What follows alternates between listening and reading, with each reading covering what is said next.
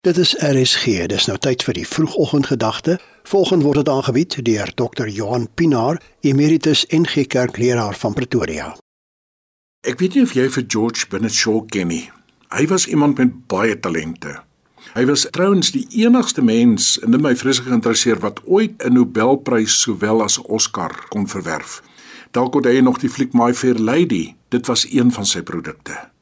Terwyl oor die 90 was, het 'n verslaggewer van hom gevra, "Meneer Shaw, jy het in jou lewe baie belangrike mense ontmoet. Konings, filmsterre, ryk en vername mense. As jy kon kies om een van hulle te wees, wie sou jy kies?" Na 'n lang stilte het hy geantwoord, "Ek sou kies om nog meer van die George Bennett Shaw te wees wat ek kon wees, maar nooit ten volle was nie." Hoor jy wat hy sê? En dis die moeite werd om bietjie vandag hieroor te gaan loop en dink.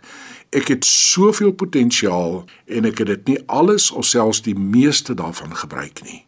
Nou kom mens dadelik wonder, was hy vermetel? Ek wil sê allermins van die terme waarmee die Bybel mense beskryf en ek dink nie ons sê dit genoeg vir mekaar nie hoor 'n bietjie geskep na God se beeld tweedeen heerser oor die aarde Die Bybel noem jou ook net minder as 'n hemelse wese en tempel van God waarin die Gees van God woon.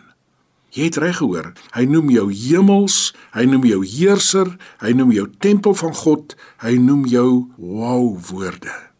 Dit bring ons by die belangrike vraag: wat maak ek en jy met ons potensiaal? Daar is 'n groot gevaar dat ons ander mense ons hele lewe lank probeer navolg ag as ek tog maar net so sy kan lyk of soos hy kan praat.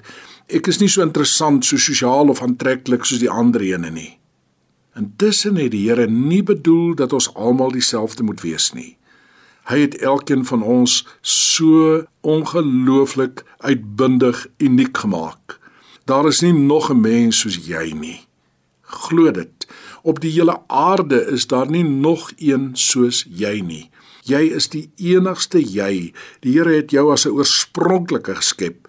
Moenie ander probeer kopieer nie. Moenie toelaat dat daardie stem in jou dalk langer vir jou sê dat jy minderwaardig en ontoereikend is nie. Dis nie waar nie. Wees jou eie unieke tipe skoonheid vandag. God se oë blink as hy na jou kyk. Goeiedag.